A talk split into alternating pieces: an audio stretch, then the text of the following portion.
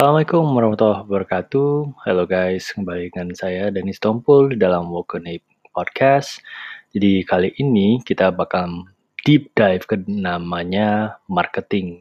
Nah, di dalam marketing itu sendiri guys, kalau misalnya kita ingin merencanakan suatu um, marketing plan atau perencanaan pemasaran itu sendiri, kita harus melakukan yang namanya duluan adalah riset pemasarannya. Nah, hari ini kita akan bahas uh, yang namanya materi mengenai bagaimana mengconduct a marketing research. So, stay tuned guys and be safe.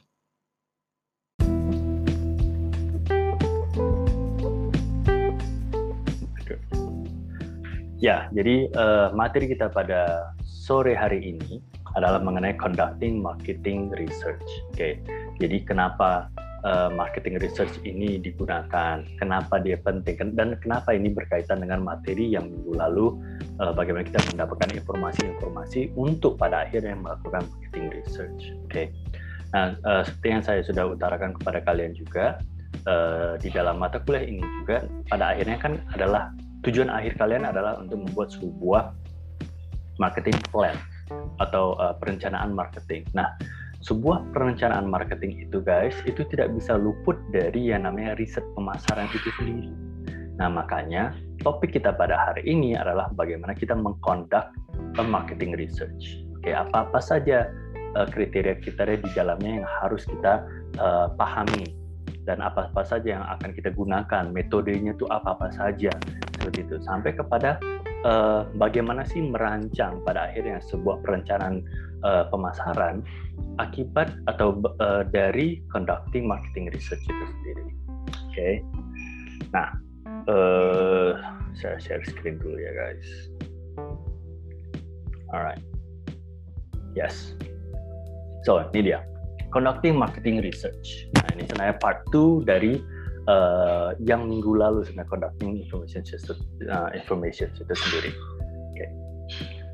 Jadi to make the best possible tactical decisions in a short run and strategic decisions in the long run, okay, marketers need timely, accurate, and actionable information about consumers, competition, and their brands.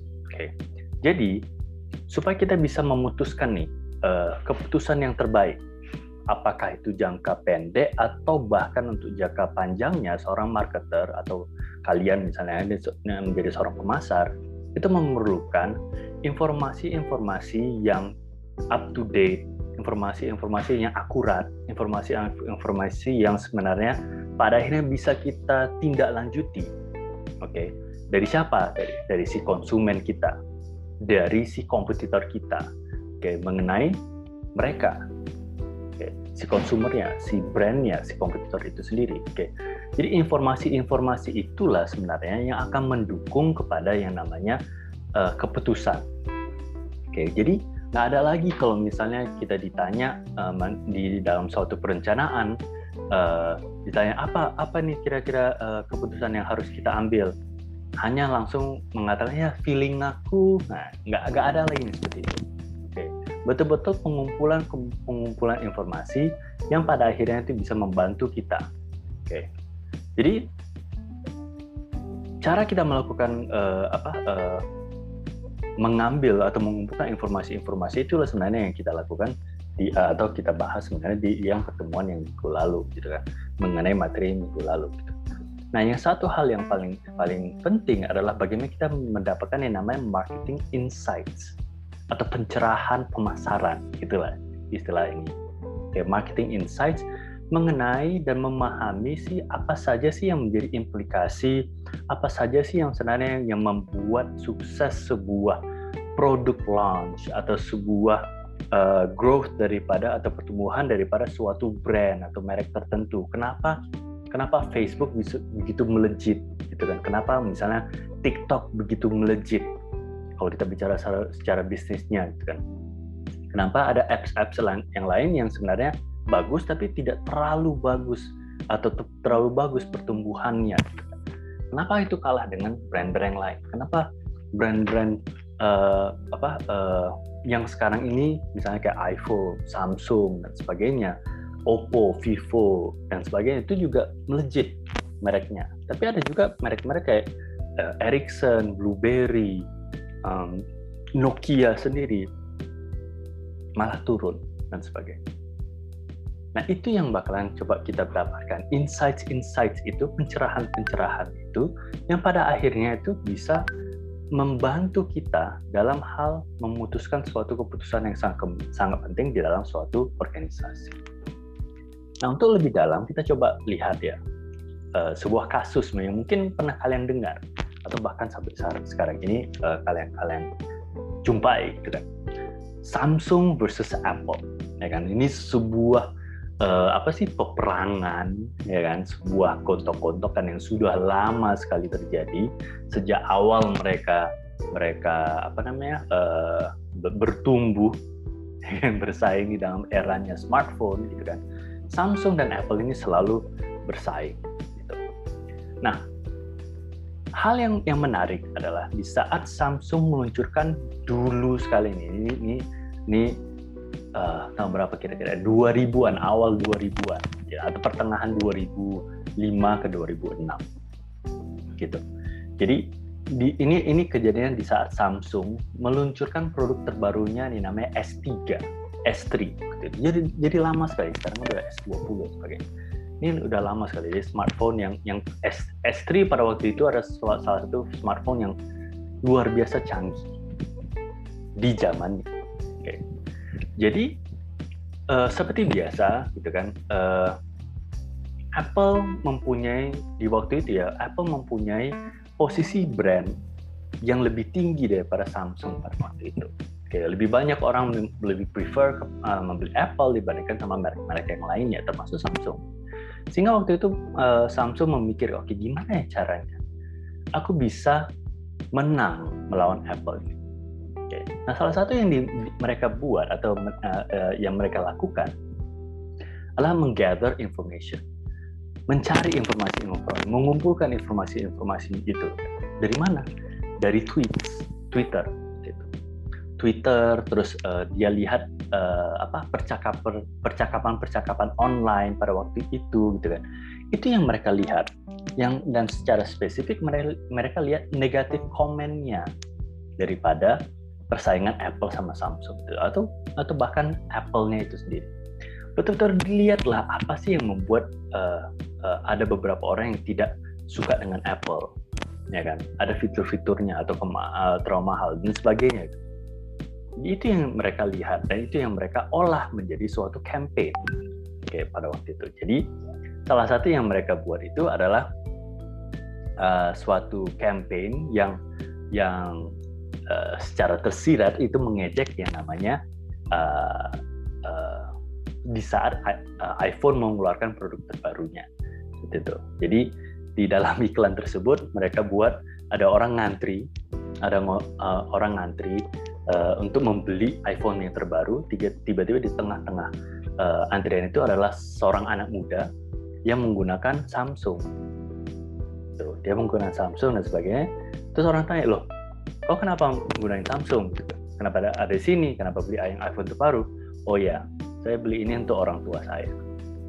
Menandakan bahwasannya uh, iPhone itu itu sudah ketinggalan zaman untuk orang-orang tua gitu kalau kalian mau mau ngetren kayak saya lagi lagi muda bisa pakai Samsung yang pada waktu itu mereka betul-betul perang fitur uh, iPhone mengatakan akan menjadi teknologi baru uh, iPhone terbaru mereka. Padahal di, di Samsung sudah ada teknologi tersebut. Jadi hal-hal itu yang mereka gunakan di dalam hal komunikasi pemasaran mereka pada waktu itu.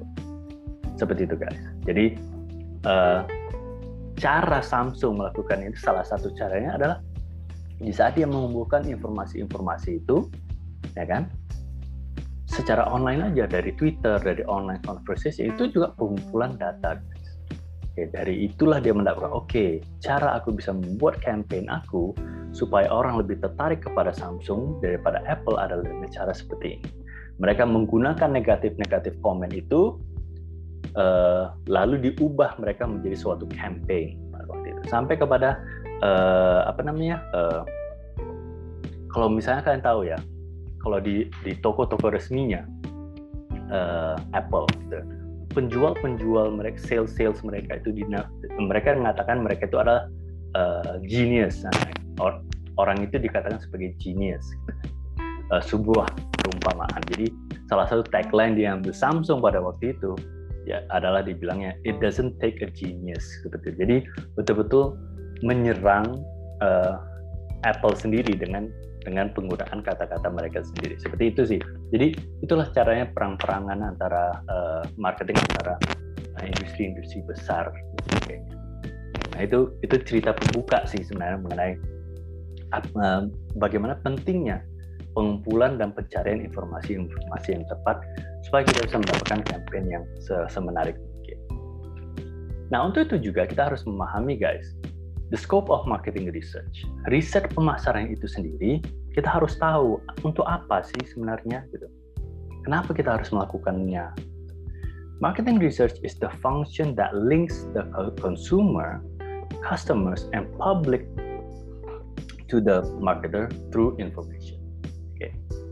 Jadi inilah salah satu fungsi yang bakal mengelingkan si customer, si konsumernya, si masyarakat, ya kan, kepada si marketer, si pemasar itu di dalam suatu perusahaan yang memiliki si perusahaan. Dengan apa? Dengan informasi-informasi.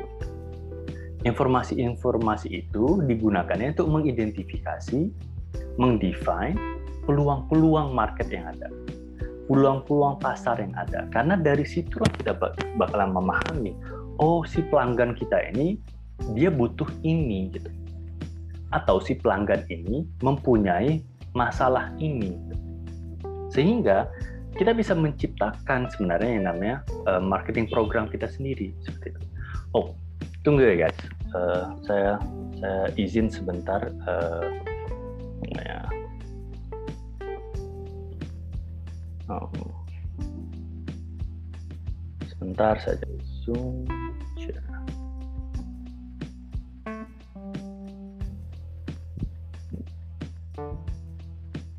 Ya, uh, seperti tadi yang saya bilang.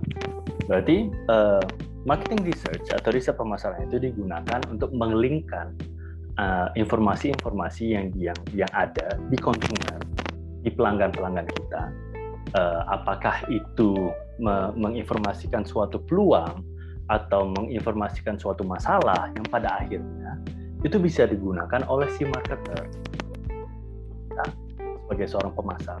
Oke, okay.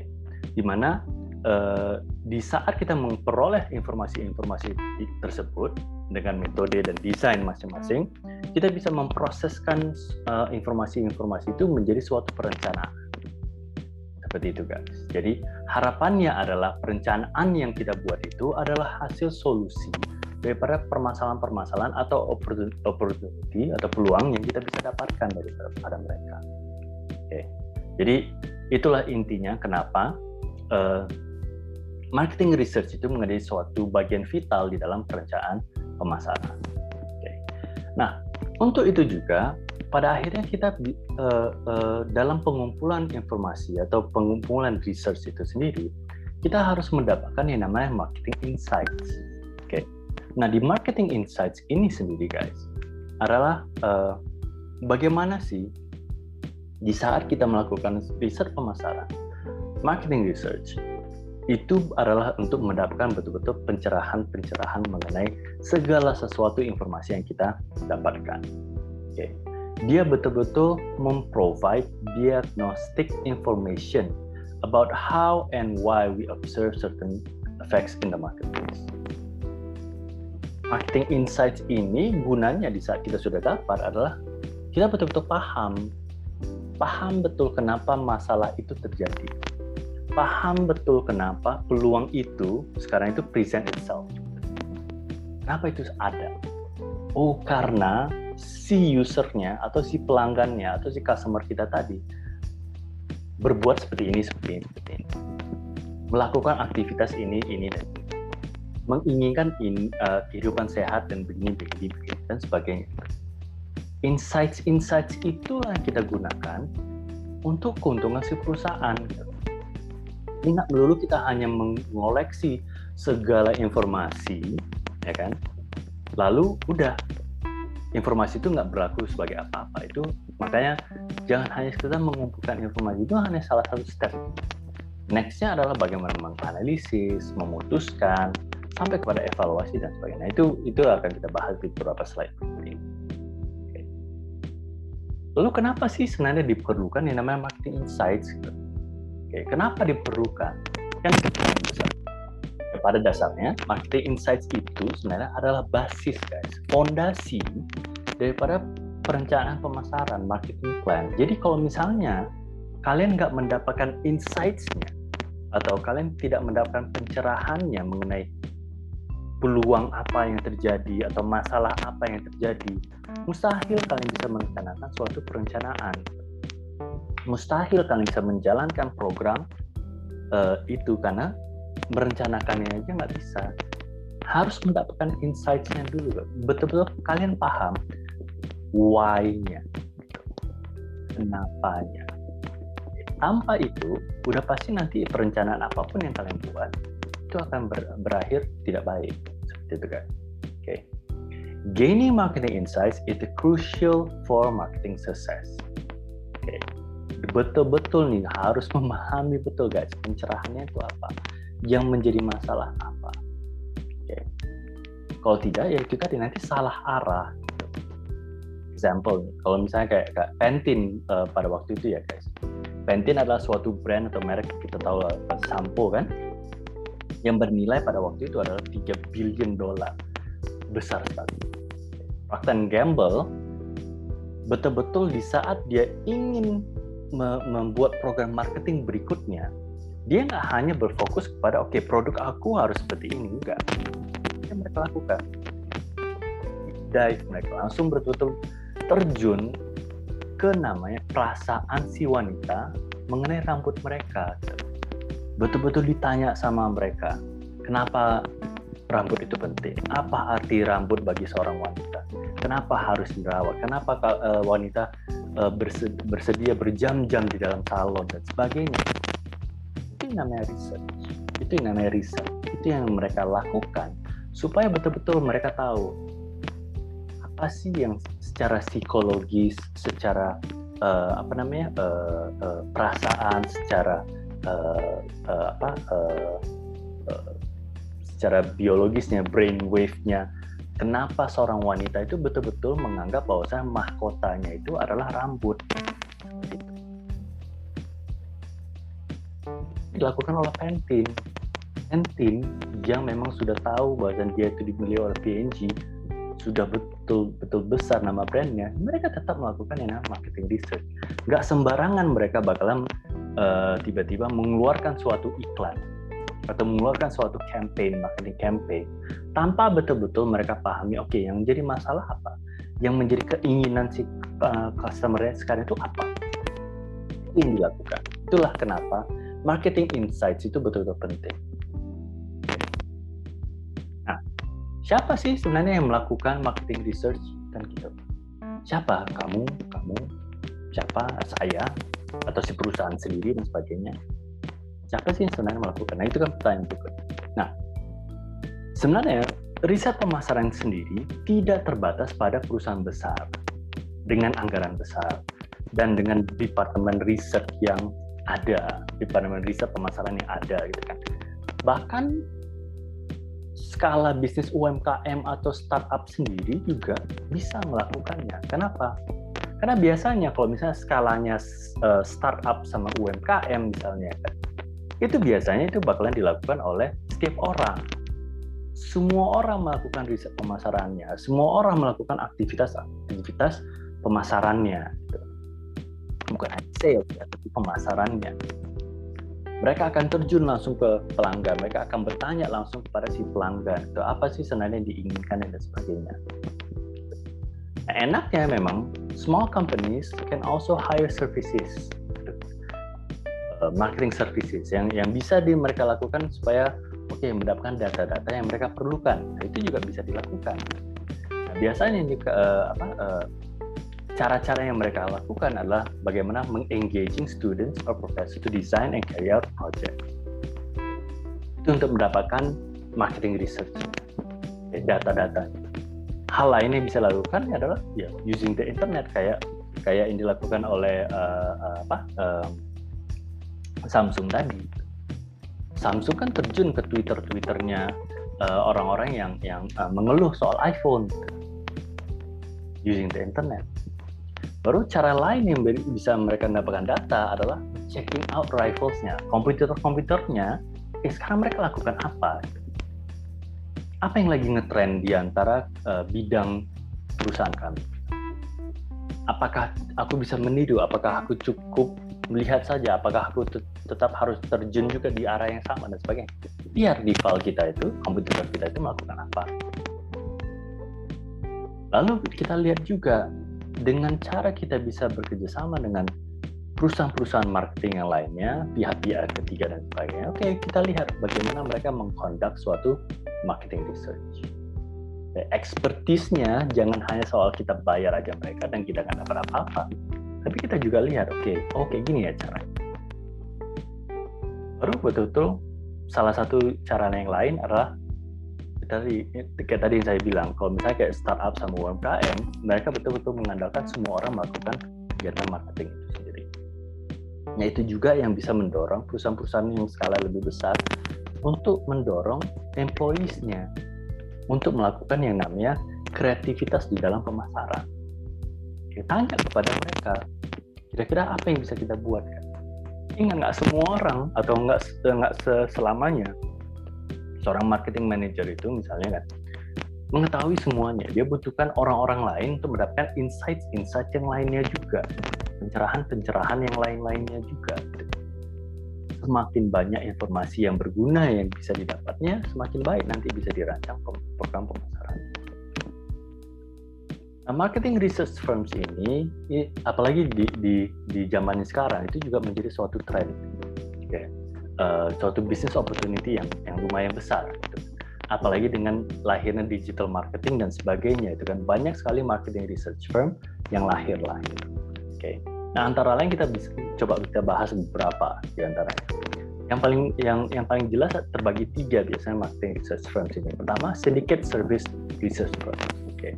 Inilah perusahaan-perusahaan besar yang di dalam dunia ini yang mengumpulkan segala data dari segala perusahaan-perusahaan yang top 100, top 500 dari Forbes dan sebagainya dan mereka mengumpulkan segala bentuk dari bentuk keuangan, penjualan sampai kepada konsumer, berapa dia dia mendapatkan uh, konsumer dan sebagainya, customer base-nya seberapa besar, gitu kan.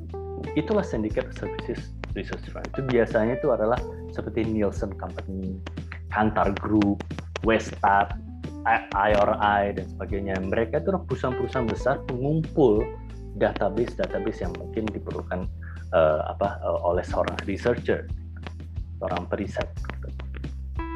Nah biasanya kalau kita ingin mendapatkan uh, services mereka, ada bayaran tertentu yang yang uh, yang dilakukan atau bahkan ada juga sih yang gratis tapi tidak hanya sebatas informasi yang sangat umum.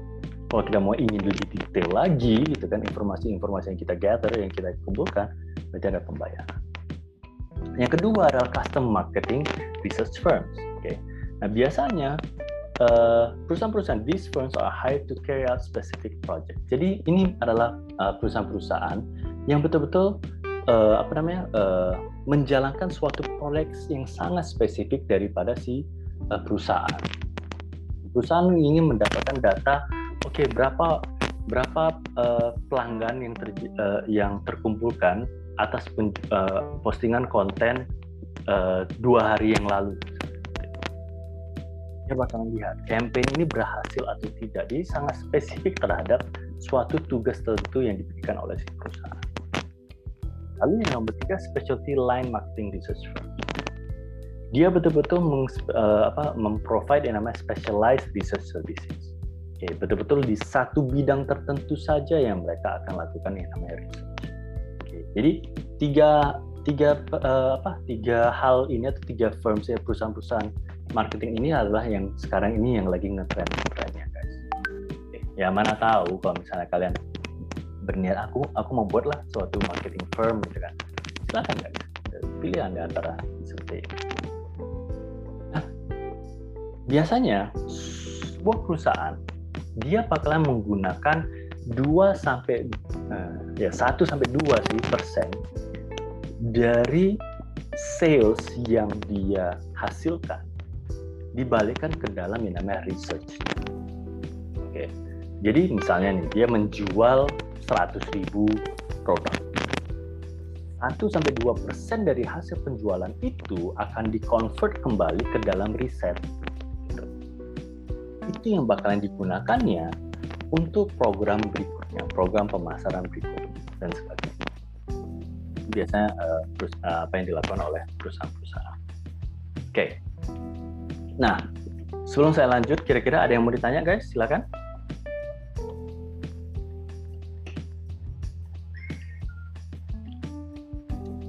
Oke, kita lanjut ya. Next adalah uh, kita harus mengetahui yang namanya proses bagaimana kita merancang sebuah marketing research. Saat kita sudah bisa merancang marketing research ini, prosesnya kita ketahui apa-apa saja. Tentunya dari hasil dari para marketing research itu baru kita bisa gunakan untuk marketing plan. Oke. Okay. Jadi nanti guys, di saat kalian presentasi marketing plan kalian di UAS terakhir, kalian bakalan harus menyampaikan saat kalian lakukan marketing research itu prosesnya itu bagaimana hasilnya apa?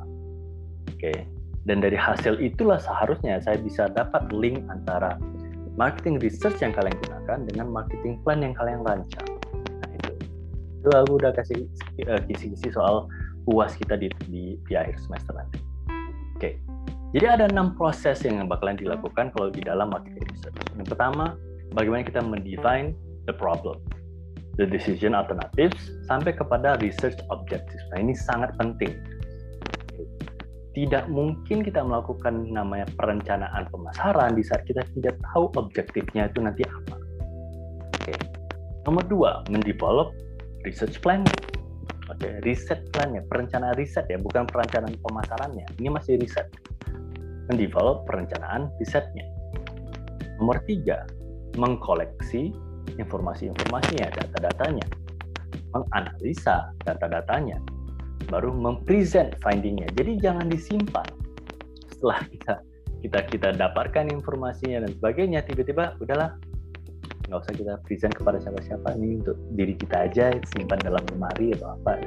Nggak bisa guys. Harus memang betul di present sehingga kenapa ini harus di present supaya nanti si pengambil keputusan baik itu support atau si marketing manager atau siapa pun yang di atas itu dia bisa tahu oke okay, berarti kita milih ke C bukan milih ke B A atau D dan sebagainya. Ada suatu hasil keputusan yang dia lakukan. Itulah tujuan daripada yang namanya marketing research. Nah ini kita bisa lihat di gambar berikut ini sebenarnya urutan urutannya oke okay, dari uh, apa uh, define the problem, objektifnya apa, turun kepada uh, mendevelop research plan-nya, mengoleksi informasi-informasinya, menganalisa informasinya, membuat keputusan, eh sorry, uh, mengke, uh, apa, mempresent finding sampai kepada membuat keputusan. Okay.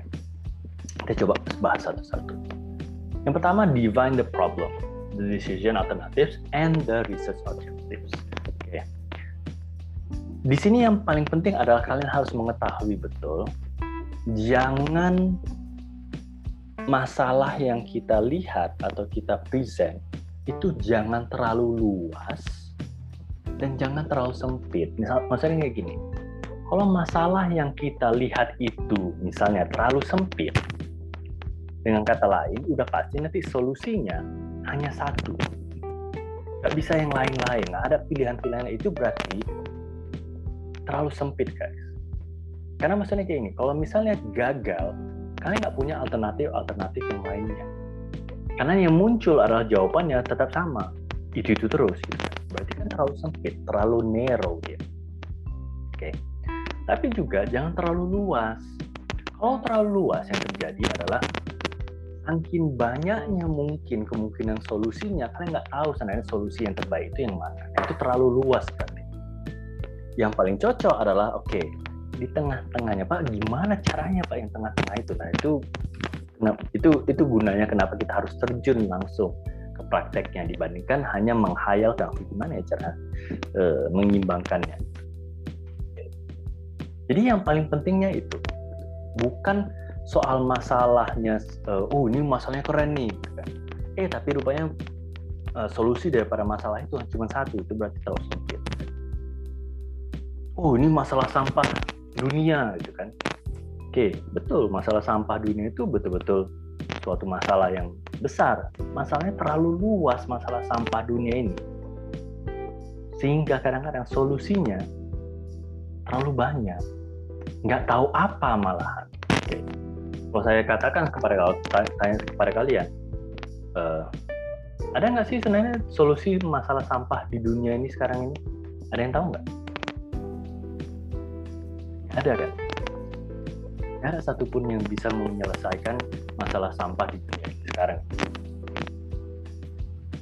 Artinya tetap aja sampah setiap harinya bertonton di dalam di Medan sendiri itu bertonton tuh setiap hari sampah. Daur ulang pak. Daur ulang betul salah satu ininya kan. Tapi apakah daur ulang itu menyelesaikan seluruh sampah? Nah, tiap harinya tetap bertonton kita hasilkan sampah. Kalau misalnya memang daur ulang adalah alternatif uh, solusinya, kenapa tetap ada sampah kan kayak gitu juga. Dan jadi karena ini masalahnya terlalu luas. Nah itu itu tadi yang saya bilang. Uh, ya thank you ya tadi. Uh, tadi siapa ya? Aku nggak apa pula tadi. Uh, itu tadi kalau misalnya terlalu luas masalahnya guys, uh, sulit sekali kita bisa mendapatkan yang namanya solusi yang terbaik itu apa saya nggak mengatakan daur ulang itu salah itu telah bagus masalahnya kan daur ulang tidak hanya daur ulang itulah yang bisa menyelesaikan masalah sampah di dunia ini buktinya hari ini aja bertonton masalah sampah ini bisa kita lihat di saat kita pergi aja misalnya ke jalan-jalan sebagainya ada aja orang buang sampah sembarangan kemarin pas saya ke ke Bukit Lawang aja saya masih tetap aja lihat uh, orang buang sampah sembarangan di dalam hutan tersebut.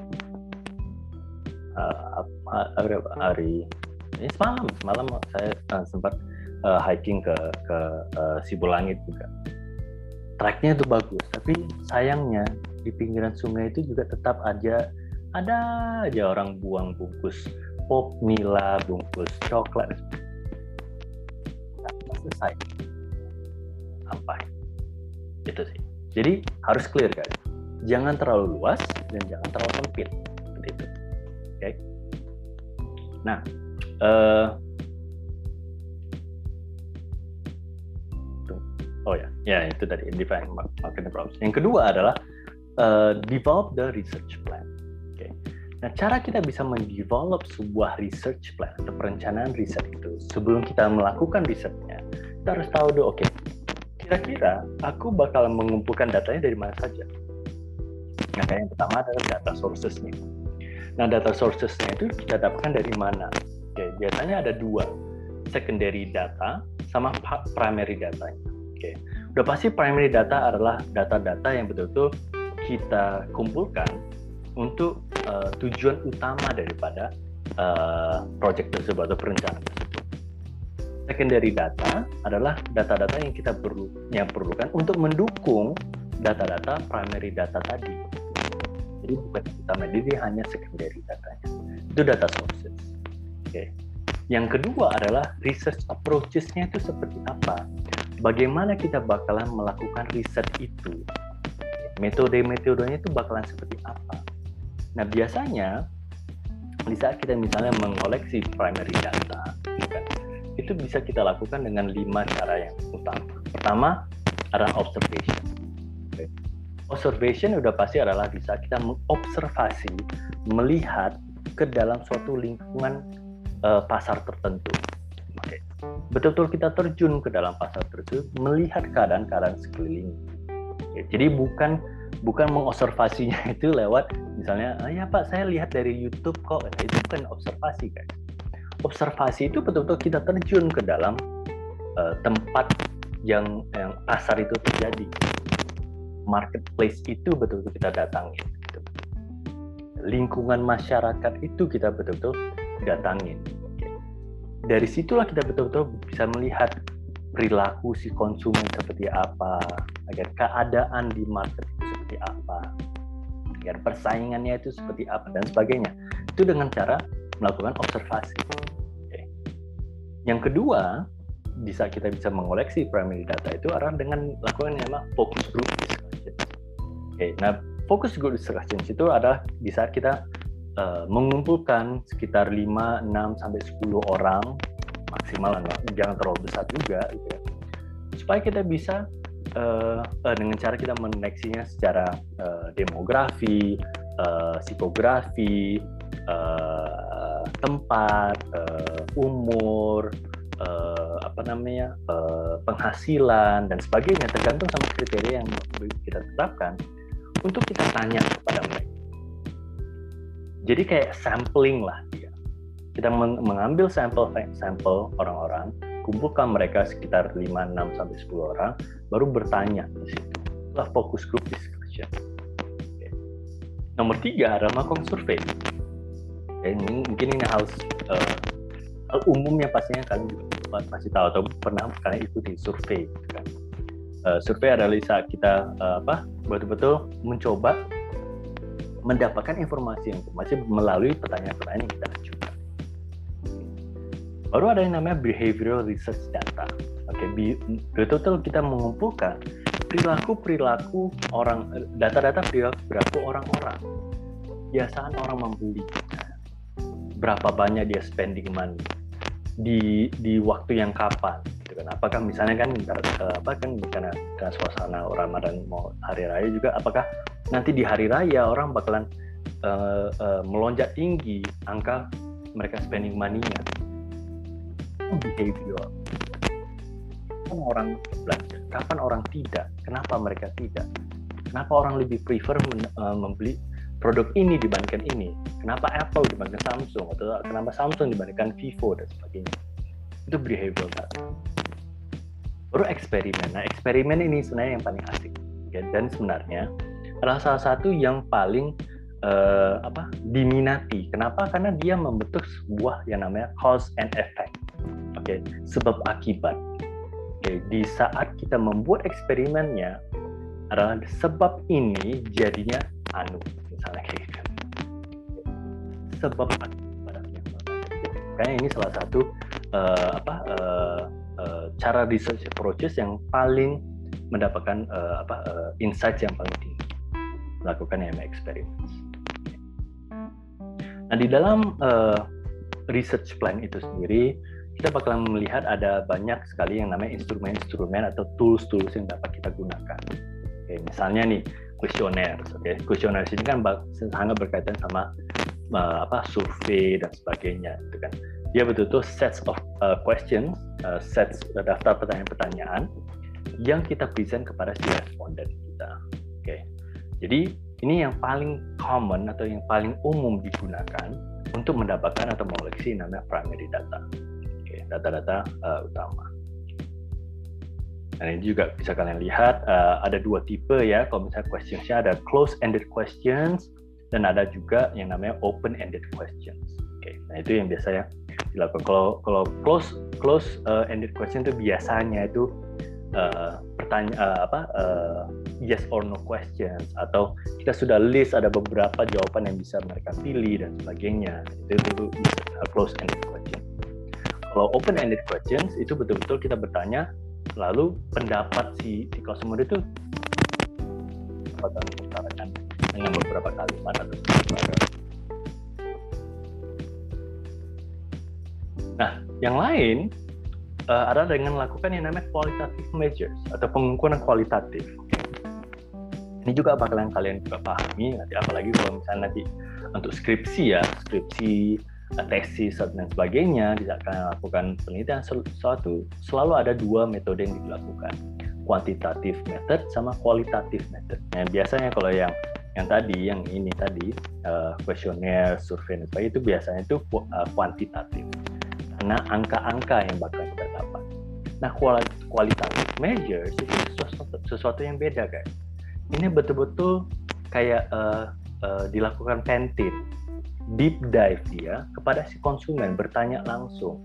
Nah biasanya ini kita langsung misalnya tuh langsung terjun kepada kelompok-kelompok tertentu, masuk kita ke dalam kelompok tertentu dan melihat uh, apa kebiasaan-kebiasaan mereka, gitu kan.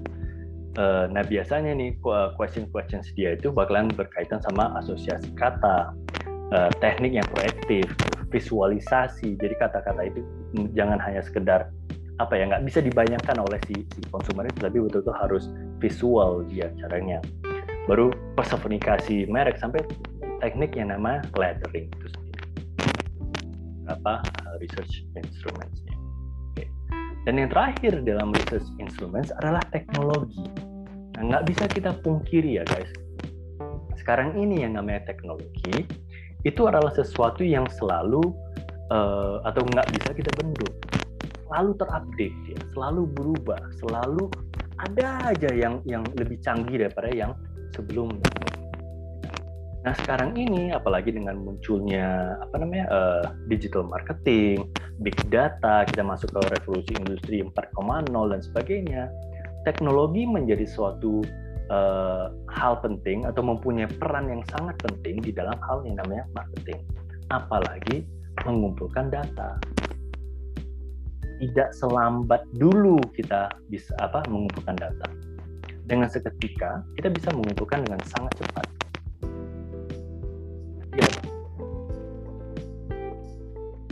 Nah, untuk itu juga kita juga harus tahu sampling plan kita itu harus seperti apa. Setelah memilih pendekatan dan instrumen penelitian kita yang tadi kita bahas di slide sebelumnya, penelitian eh, peneliti juga pemasaran harus merancangkan bagaimana kita mengambil sampelnya. Orang-orangnya itu bagaimana ya? Siapa ya? Pertama ya sampling unitnya whom should we survey? Siapa sih yang seharusnya kami survei ciri-ciri dia seperti apa? Dia tinggal di mana? Gitu kan. Apakah layak dia? Apakah sesuai dia kriteria perilaku yang memang yang kita inginkan? Apakah memang dia menggunakan produk kita atau tidak? Misalnya gitu. jadi who who-nya, whom-nya itu harus betul-betul kalian tentukan. Siapa yang seharusnya kalian survei ya? Baru seberapa besar populasinya? Apa banyak sih setelah kita tentukan, oke, okay, si Anu, si, pekerja, si wanita pekerja antara 30 sampai 35 tahun misalnya. Berapa banyak? 10 orang kah? 100 orang kah? 1000 orang kah? Tentukan dari situlah baru kita bisa dapatkan uh, prosedur yang bakalan tepat untuk menyampaikannya itu seperti apa. Itu yang nomor tiga, sampling procedure. Okay. How should we choose the respondent? Apakah dengan simple random sampling? Apakah dengan purposive sampling dan sebagainya? Banyak sekali cara sampling. Kalian semester berapa? Semester tiga ya? Eh, tunggu. Empat. Eh, berapa sih? Dua, Pak. Oh, oh oke. Okay. Semester dua. Berarti uh, statistik udah dapat? Kalian ada statistik nggak sih? Ada, Pak. Ada. Oke. Okay. Di statistik pasti kalian bakalan tahu lah soal sampling ini sendiri. Dan juga nanti di metode penelitian kalian juga bakal belajar lagi soal sampling uh, ini lagi. Oke. Okay. Jadi itu harus kalian tentukan bagaimana. Okay. Nah, seperti yang tadi saya bilang, salah satu yang tidak bisa kita bendung sekarang ini adalah yang namanya teknologi. Makanya online research sekarang ini menjadi salah satu yang paling banyak digunakan oleh orang. Nah, yang paling terkenal sampai sekarang ini adalah yang namanya Survey Monkey. Ada juga yang lain-lain seperti Survey Gizmo, Qualtrics, Google Consumer Affairs dan sebagainya. Surveyor itu juga banyak sekali yang yang ada. Cuma yang paling umum yang sering kita kita dengar sekarang ini adalah Survey Monkey Nah, Survey Monkey itu sendiri itu didirikan uh, di 1999. Oke, pas saya masuk uh, kuliah S1 waktu itu. Dan dia sebenarnya sudah terregistrasi lebih dari 15 juta user. Oke, jadi berbayarlah user-user ini sebenarnya. Dan mereka, member-member ini, dengan bayaran fee tertentu, dia bisa melaksanakan survei-survei sampai kepada data-data itu serinci mungkin dan sampai kepada media-media yang seperti yang kita lihat di gambar ini sendiri. Nah, kenapa saya saya saya uh, utarakan uh, hal ini? Karena online survei ini adalah menjadi salah salah satu metode yang paling paling digemari dilakukan oleh si researcher researcher mau itu uh, researcher di dalam bidang perusahaan atau researcher bahkan di kalian kuliah survei monkey ini sering dilakukan. Sekarang ini juga ada yang namanya uh, ini kan apa uh, Google Form kan seperti yang kayak dilakukan di agensi. Cuma Google Form ada fungsi-fungsi tertentu yang tidak bisa, tapi bisa dilakukan oleh survei survey monkey. Okay. Nah, untuk itu juga kita harus mengetahui online research ini ada beberapa pros and cons-nya. Ada yang yang bagus dan ada yang tidak bagus. Advantage-nya udah pasti. Yang pertama, dia itu inexpensive. Walaupun kayak tadi ya, survei monkey itu berbayar, misalnya, tapi dia tidak akan semahal jika kita sewa kepada perusahaan-perusahaan research marketing yang lainnya. Itu kan puluhan juta mungkin sekali proyek. Survei survei monkey atau layanan lainnya paling paling besar berapa? Satu juta. Jadi dia betul-betul inexpensive. Baru online research itu expensive. Bukan expensive ya expensive. Dengan kata lain cakupannya itu bisa sangat luas. Kalau kita butuh data di Eropa dengan gampang kita bisa lihatnya di online. Kalau kita butuh di Afrika, mungkin akan gampang kita lihatnya di online. Di negara-negara yang lainnya gampang. Apalagi kalau misalnya sekitaran kota kita sendiri. Beda kan dengan offline. Kalau offline kita harus tanya atau kita harus telepon atau setidaknya kita email misalnya kan perusahaan tersebut untuk mendapatkan data itu dapat ya dulu saya pas S1 untuk mendapatkan data-data yang saya perlu perlukan di Indosat dulu sebulan dapatkan sama sekali. Nah dari situlah baru kita tahu online research ini ada beberapa keuntungan. Salah satunya itu tadi. Dan tadi research is fast, cepat. Responses tend to be honest and thoughtful. Karena dia tidak buru-buru, misalnya kan saat, misalnya kalau misalnya kita uh, offline dulu kita ngelakukan research, survei kita kasih kuesioner kita kasih ke, orang-orang kan kita tunggu gitu kan. Terburu-buru loh orang isinya. Oh, ditunggu apa saat saat saat saat, biasanya kalau online research dengan enak mereka tinggal baca oke okay, kapan dia lagi niat untuk untuk untuk mengisinya dia isi. Jadi biasanya itu bakalan honest jujur dan thoughtful dipikirkan dan yang satu lagi yang paling enak tuh online research itu biasanya versatile oke okay dia betul-betul fleksibel. Dia bisa bukan hanya begini saja caranya, tapi ada cara-cara yang lain-lain. Tapi untuk itu juga kita harus tahu disadvantages-nya itu apa saja. Nah, kadang-kadang sampelsnya itu terlalu kecil. Gak bisa kita dapatkan sampel yang terlalu besar. Saya untuk mendapatkan sampel di atas 300 atau 500 itu begitu luar biasa sulit. 100 saja kan kadang sulit kan kadang kan orang dapatkan misalnya di WA gitu kan dilihatnya aja Bro, online panels and communities can suffer excessive turnover. Okay. Turnovernya itu terlalu cepat. Dengan kata lain, kalau turnover terlalu cepat, kadang-kadang pendapat yang kita yang, yang relevan saat ini nggak relevan lagi nanti mungkin satu hari dua hari berikutnya atau satu minggu kemudian.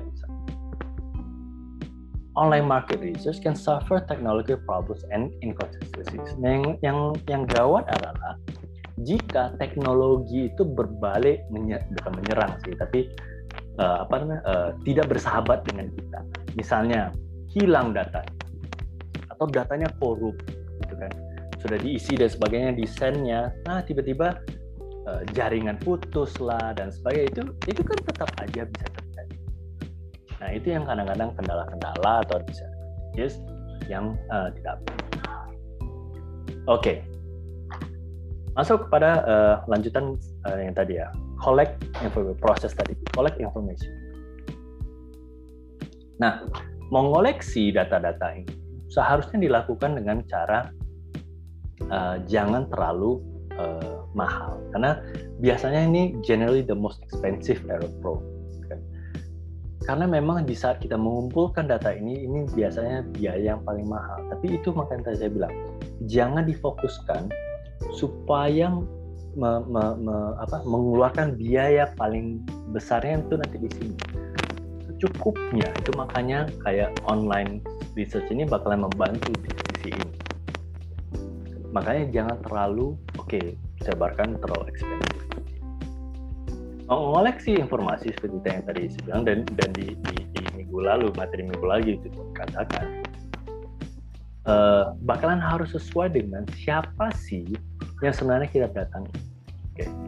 harus sesuai maka kita harus kayak tadi yang uh, di, dibilang kan kita harus tahu siapa sih sebenarnya yang kita tuju.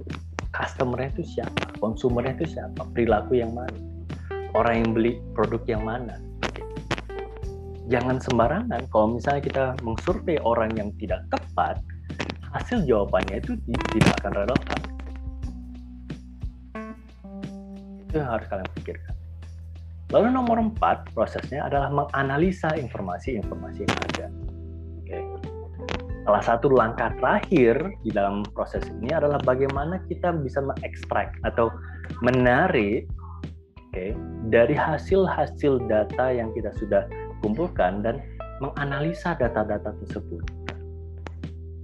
Kenapa uh, eh, 100 produk dari dari dari dari penjualan 1000 produk itu terjadi? Kenapa orang nggak mau beli ini? Kenapa orang lebih prefer ini? Itu kan nampak dari data-datanya. Apakah itu nanti misalnya secara kuantitatif, ya kan, dari data-data terlahirlah angka-angka atau suatu secara kualitatif bisa kita lakukan wawancara-wawancara observasi dan sebagainya interview dan sebagainya. Harus tetap dianalisa jangan bulat-bulat angka tersebut itu yang kalian sampaikan. Uh orang. Jadi misalnya kan di rapat atau di saat kalian mempresentasikan findingsnya gitu kan? Iya. Jadi bapak ibu yang terjadi adalah angka 1100 ini yang menyebabkan kita itu untung nggak bisa seperti itu gitu. betul-betul harus kita jelaskan apa sih angka 1100 itu? Mewakili apa? Penjualan kah? Angka uh, banyak subscriber kah? Atau angka banyak pelanggan kah itu harus dijelaskan jadi itu yang, yang harus dilakukan kalau misalnya menganalisa uh, informasi-informasi. Lalu tadi yang kayak saya bilang, mempresent findingsnya jangan disimpan dalam lemari, jangan disimpan di dalam laptop, jangan disimpan dalam flash disk doang gitu. Memang harus kita present, harus kita sampaikan findingsnya apa, penemuan-penemuan kita itu mengenai data-data yang kita kumpulkan itu itu apa, apa hasil analisanya. Karena dari hasil analisa itulah baru si CEO, si manajer marketing, si founder, si pemimpin yang di atas dia bisa memutuskan, oke, okay, kita bakalan seperti ini. Oke, kita bakalan ngambil arah. Oke, kita bakalan stop ini, kita lakukan ini. Oke. Ada suatu keputusan yang terjadi. Gitu. Oke. Nah, ada tujuh karakteristik dalam hal melakukan yang namanya uh, good marketing. Yang pertama ada uh, karakteristik scientific method. Oke, di saat memang kita betul-betul menggunakan metode-metode yang scientific Oke, jadi bukan hayalan belaka. Ini kadang-kadang orang suka apa ya? Uh, apa? Uh, suka han, bukan hantam sih, tapi udah kita kita nyantai aja, nggak usah terlalu detail, nggak usah terlalu pakai angka-angka dan sebagainya. Masalahnya mempunyai uh, angka-angka ini, uh, scientific method ini itu penting sekali supaya dapat klarifikasi, supaya justifikasi, justify apa yang ingin kita buat. Gitu. Gak ada lagi orang menyalahkan. Kalau ada yang menyalahkan, ada data yang mendukungnya. Jadi nggak hanya so, seolah-olah omongan belaka gitu. Itu itu kan sering terjadi. Gitu. Bakalan gagal itu. Kenapa? Feelingku aja nggak bisa. Bakalan gagal. Kenapa? Karena data udah menunjukkan loh penjualan kita sekian. Kenapa harus misalnya gitu. scientific method itu penting. kan ini tidak lepas dengan namanya research creativity. Nah itu. Oke. Okay.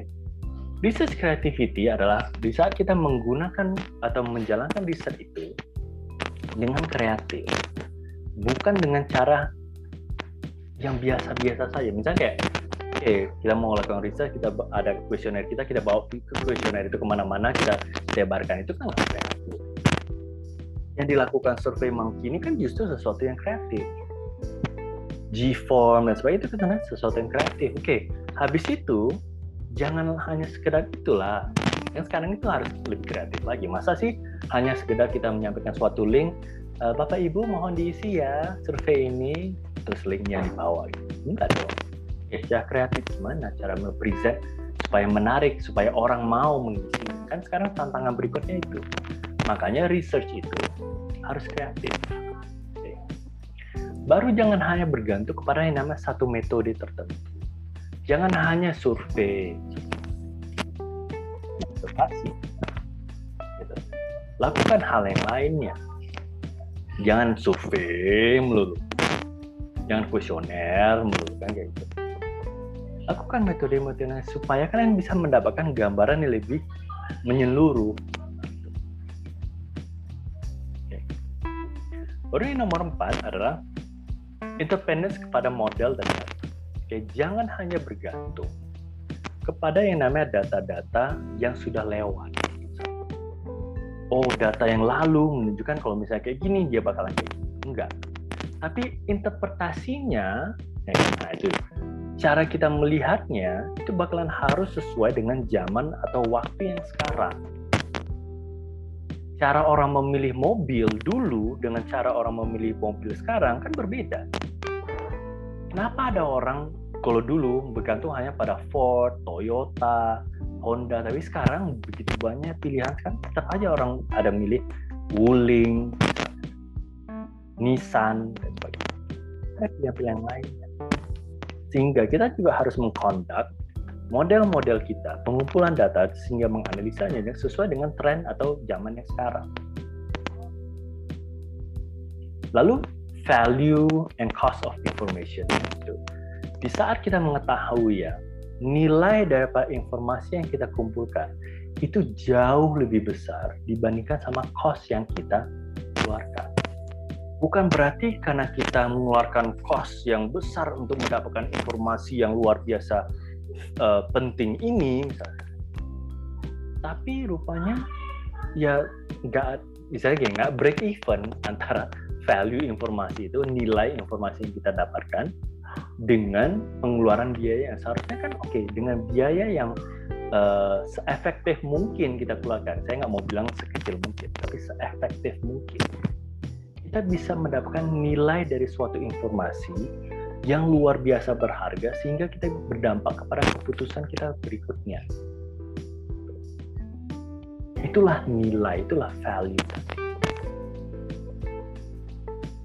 Bukan berarti kita membeli suatu informasi dengan kita menyewa suatu uh, marketing firm yang puluhan juta, ratusan juta per bulan misalnya, itu bisa langsung menghasilkan sesuatu yang bagus bukan yang penting sekarang ini effectiveness-nya di mana?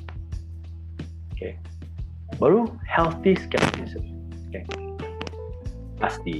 Di dalam suatu perencanaan bahkan selalu ada orang-orang yang skeptis. Selalu ada orang-orang yang mungkin agak meragukan apa yang akan kita rencanakan. Itu hal yang wajar guys. Jangan pernah putus asa, jangan pernah down. Hanya gara-gara ada orang yang skeptis kepada kita atau ada orang yang mencibir kepada kita atau orang yang memandang rendah kepada kita.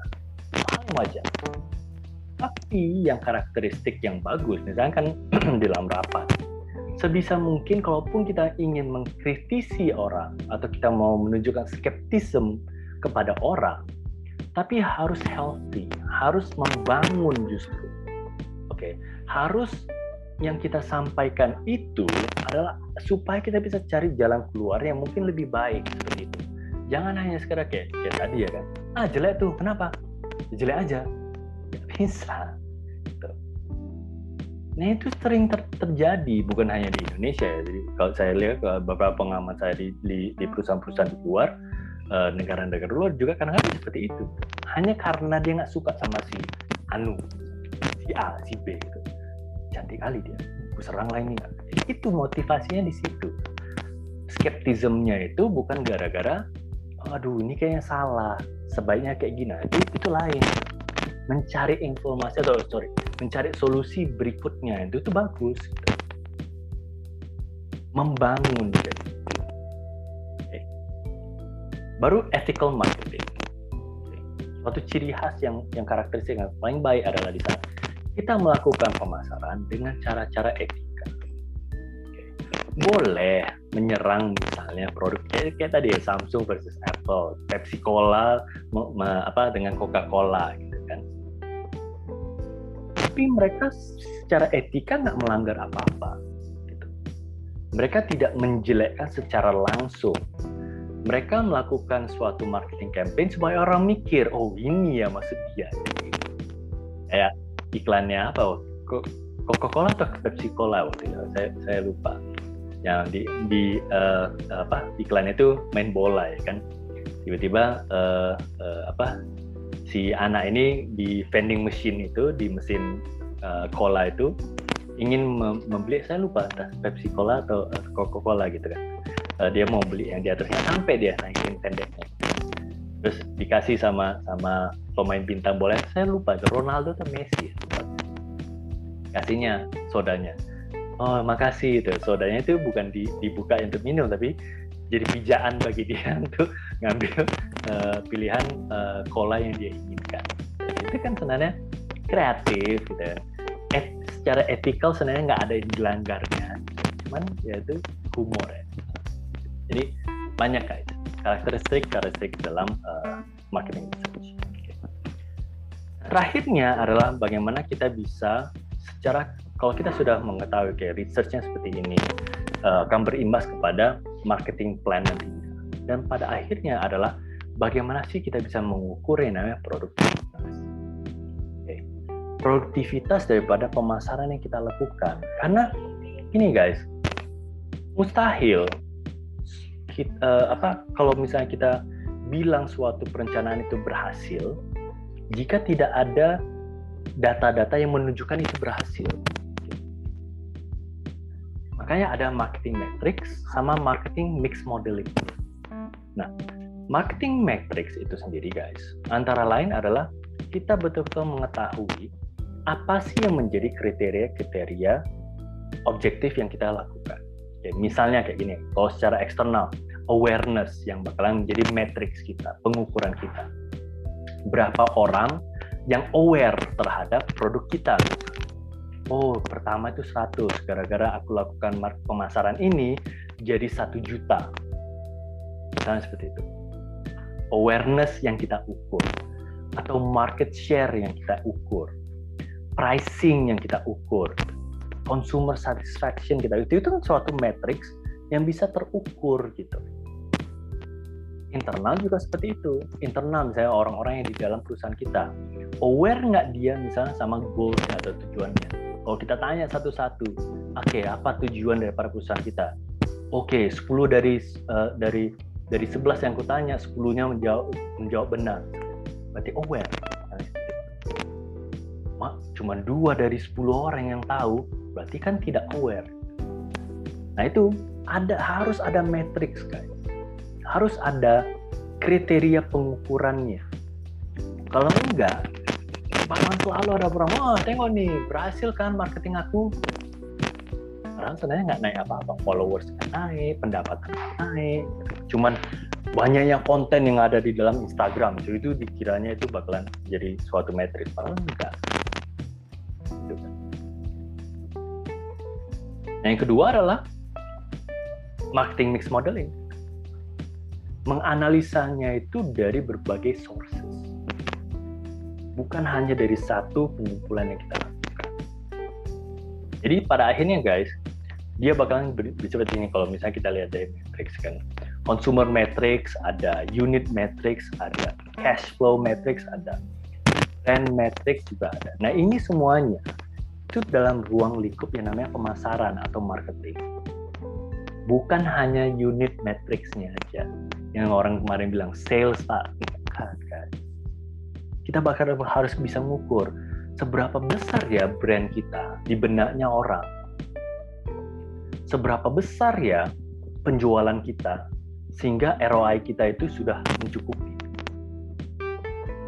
Seberapa besar ya si customer-nya itu menginginkan apa yang namanya produk kita, menciptakan loyalitas, menjadinya itu brand loyalty program yang lebih besar dan sebagainya. Inilah marketing measure pathway yang bisa kalian gunakan. Seperti itu. Oke. Okay. Nah, sebelum kita tutup, oke, okay, uh, eh, ada yang di, ingin ditanyakan? Silakan guys untuk materi pada hari ini. Pak. Ya, silakan. Pak, saya mau nanya, Pak. Yes, Febrianti absen saya absen saya kenapa nggak bisa ya Pak tanggalnya? Eh, absen ya. Oh, eh kenapa absen yang nggak bisa? Nggak bisa. Ada yang Pak, punya masalah yang sama? bisa dikirim. Nanti 2020. Nggak. Oke. Okay. Coba, coba coba lagi deh di seharusnya dicek dicek aja lagi mana tahu nanti entah tahun yang salah atau justru tanggal yang salah ini tanggal 12 ya ada yang punya masalah yang sama tadi guys, seperti si Febrianti? Oke, dicoba aja lagi ya, Febrianti. Ya, ada lagi guys yang mau ditanya? Mungkin berkaitan sama materi hari ini, kalau, kalau bisa. Tidak ada? Oke. Okay. Nice. Oke, okay. so uh, untuk itu juga uh, jadi uh, itu aja pertemuan kita pada sore hari ini mengenai conducting marketing research. Semoga ini bisa membantu kalian uh, dalam hal uh, apa namanya menyampaikan atau melakukan nantinya marketing plan kalian, membuat marketing plan kalian nantinya sebagai uh, tugas akhir kita terakhir ya guys. Jadi sebenarnya UAS sendiri sudah saya katakan apa, menjadi proyek apa jadi kalian sudah bisa mempersiapkan. Udah pasti nanti bakalan berkaitan sama materi-materi yang sudah saya sampaikan seperti ini apalagi kayak marketing research. Berarti bakalan saya bisa lihat kaitan marketing research kalian dengan marketing plan kalian yang akan lakukan nanti. Oke? Okay? so kalau tidak ada terima kasih guys atas atensinya pada sore hari ini. Kepada yang menjalankan ibadah puasa uh, selama menjalankan ibadah puasanya ya guys semoga uh, bisa lancar ibadah puasanya sampai akhir nanti kita bisa hari raya dan sebagainya. Uh, ya tetap sehat guys. Tetap kalau misalnya keluar keluar dan sebagainya tetap gunakan protokol kesehatan yang baik gunakan masker kalian tangan se sebaik mungkin dan sebagainya. Untuk itu uh, see you next week. Terima kasih. Uh, selamat sore menjelang malam. Terima kasih guys. Assalamualaikum warahmatullahi wabarakatuh Waalaikumsalam warahmatullahi wabarakatuh.